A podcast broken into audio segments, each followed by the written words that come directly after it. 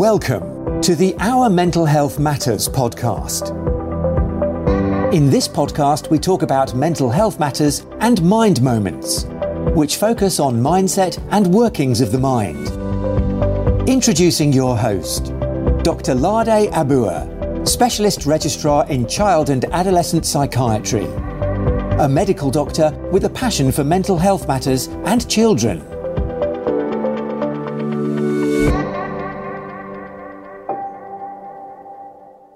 Hi, everybody. It's Lada here. Um, welcome to our Mental Health Matters podcast. Um, I will be talking about neurodevelopmental disorders, uh, but I would uh, like to title this as My Child Isn't Normal. So, this episode was sparked by a discussion I had with a gentleman today. Oftentimes, people bring their loved ones uh, to professionals and, you know, use the phrase, my child, my ward, my family member, um, or loved one isn't normal. And um, this discussion with this gentleman today, he said something along the lines of, I'm not normal. Everyone's always said that. And um, it struck me that we all unconsciously just take up these labels that have been used in reference to us by others and then adopt them for the rest of our lives. Uh, this young man today, said it in such an offhanded manner, but still had that conviction, you know, that he, he, he did believe what he had been labeled with and had now adopted it as a description for himself. Wherever he had been repeatedly told that, he had obviously, you know, believed it. And one can only imagine the impact this belief would have had on him, would have had on different aspects of his life. Because, you know, people had always said things like, you're not normal or you know made references he isn't normal when talking about him to others so with this i generally tend to advocate when people are not you know typical like others to say they're different rather than say they're not normal because whether we like it or not people take our words, our words, they adopt what we say, especially children. Children are really quite perceptive and attuned to the beliefs of the people around them. A, a recent research actually showed that the best outcome predictor for a child is a parent's belief in a child. Ultimately, if the parents are already, you know, thinking along the lines of yeah, they're not normal. And yes, they do have concerns. They have challenges, they have things they have identified which makes them different from all the other kids. And uh, this this will take me into talking about neurodevelopmental disorders. Uh, but just a, a, a note for all of us, uh, you know, be professionals, be parents, be it, um, uh, people who cared for loved ones, teachers, you know, anyone. When we relate with others, rather than just say they're not normal, we'll be different to regard them as different from their peers, from other children in the household, from you know the other pupils in the class, and all of that. So, um, typically, what makes uh, people think children are not normal and use uh, what we call neurodevelopmental disorders and there's quite a lot of them there's quite a few of them but the two most common ones are usually um, autism and ADHD and I'll just talk briefly about those two. I will do a couple of more episodes where I'll talk in depth about both of them. And uh, to start off a child might just be different from their peers or from other pupils in the class or in whichever environment they have. That does not necessarily mean, you know, they have these traits of neurodevelopmental disorders. And some of them would have the traits and would still not hit the diagnostic threshold. Usually, we advise a same approach in dealing with the challenges or the things that have been identified as being different rather than just trying to get the diagnosis and explain things away. Uh, it's usually good to be focused on how to help the family, how to help the child, how to help your loved ones, your brother, your sister, or your partner, and you know, getting the knowledge for that. The most important thing is to be able to identify the challenges and what they're, they're struggling with, and then be able to offer the help to meet that need. So, going into the two types, the first one is autism. It's it's now called autism spectrum disorder because it is a very wide spectrum. And um, the people who are on you know the extreme sides of the spectrum, the people who are in the middle, the people who I would say quarter way. So it is a wide spectrum. It is not exactly classical black and white. Now, autism, it falls under uh, the category of of developmental disorders that's um, characterized by impaired communication and social skills. Neurodevelopmental disorders themselves are impairments of the brain that occur during development. With ASD, uh, which is autism spectrum disorder, it um, relates to the theory of the mind, which I will explain in detail in the episode that, that uh, talk about ASD. So it is a broad term. It's used for disorders uh, for kids who have impairment in their social interaction, they have impairment with communication, and also have uh, stereotypical behaviors or interests or activities and importantly, these impairments are usually incongruent with the individual or the child's development level or mental age at that time. Sometimes autism spectrum disorder can be associated with other genetic conditions. It's usually noticeable about one to two years.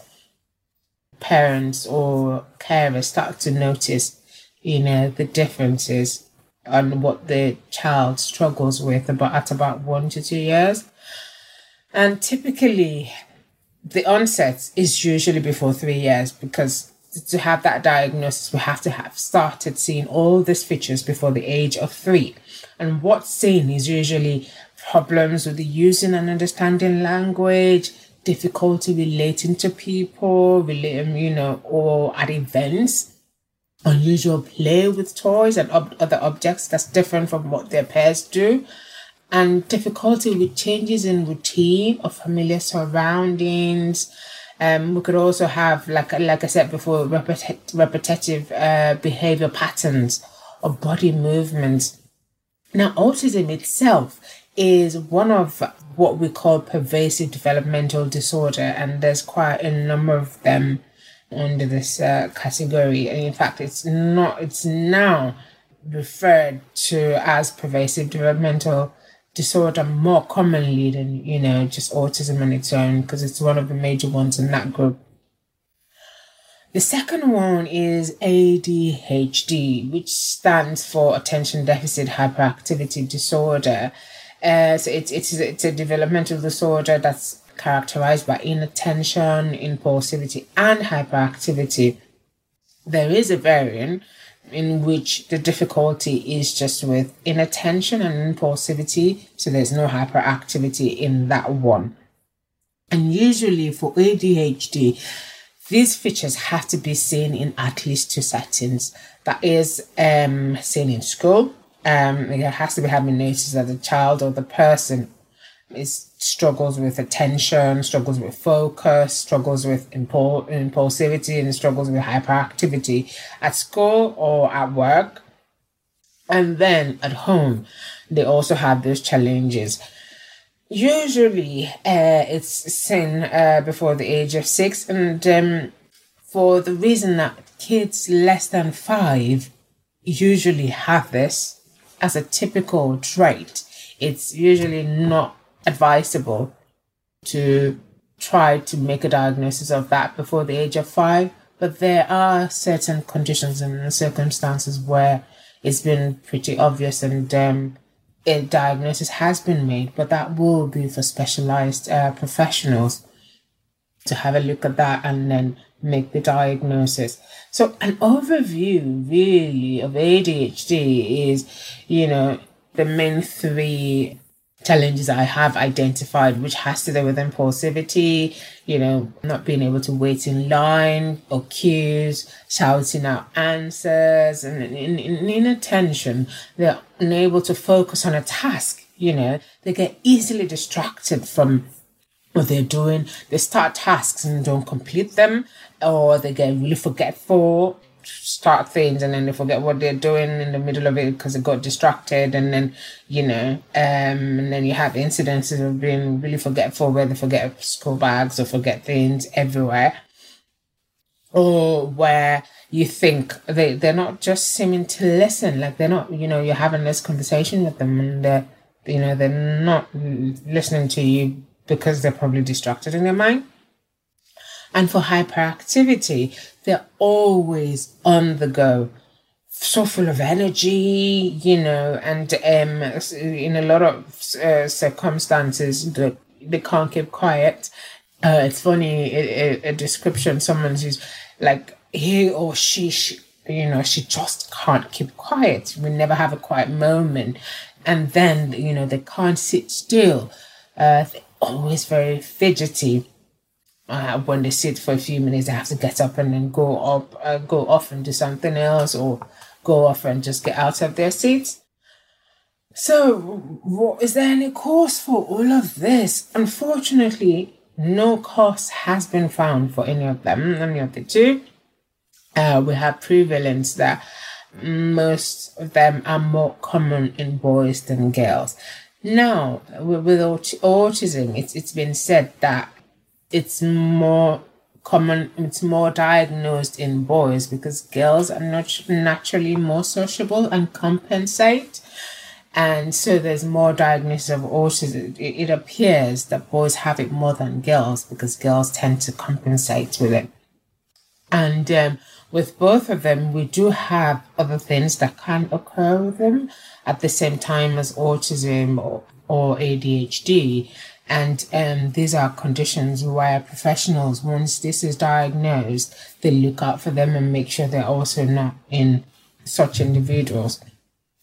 So to diagnose them, it requires specialist assessment, and um, the the specialist specialists go through the the child's history and back as much as from when they were about one. You know, talk about their development and if they're attained at the right age and try to tease out the symptoms from, you know, from as early as age one. And uh, like I said at the beginning, um, it is important to identify these challenges and know these are challenges that the family or the loved one or a spouse or partner is having. And, you know, identify that, yeah, this makes them different and seek help for it. And, you know, not to just label them with it. Autism, yes, will persist all through life, you know, but people tend to live with it, live, uh, they, with it once they've uh, recognized the challenges and the difficulties they have they can find ways, they can find um, help from from professionals on how to adjust themselves and adapt their lifestyle and their life around their struggles and what the the difficulties they have.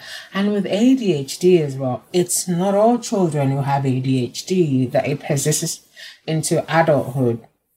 And then it's for some children, it might start off in early childhood and then they would have uh, adapted and, and, you know, developed ways of helping themselves by the time they're into middle childhood or late childhood. So ADHD is not persistent in all uh, children up until adulthood. So thank you for listening. I have just spoken about uh, two of the common neurodevelopmental disorders and the importance of regarding people as different rather than uh, not being normal due to the impact it has on their lives and how they can take up these identities and take them up into adulthood and keep them on for the rest of their lives. So, thank you for listening. Uh, this is our Mental Health Matters podcast. Until next time, take care and goodbye. And remember, Empower your mind, empower your life. Goodbye. Thanks for listening to the Our Mental Health Matters podcast. You can follow me on Twitter at Omaledamaka. Until next time, empower your mind, empower your life.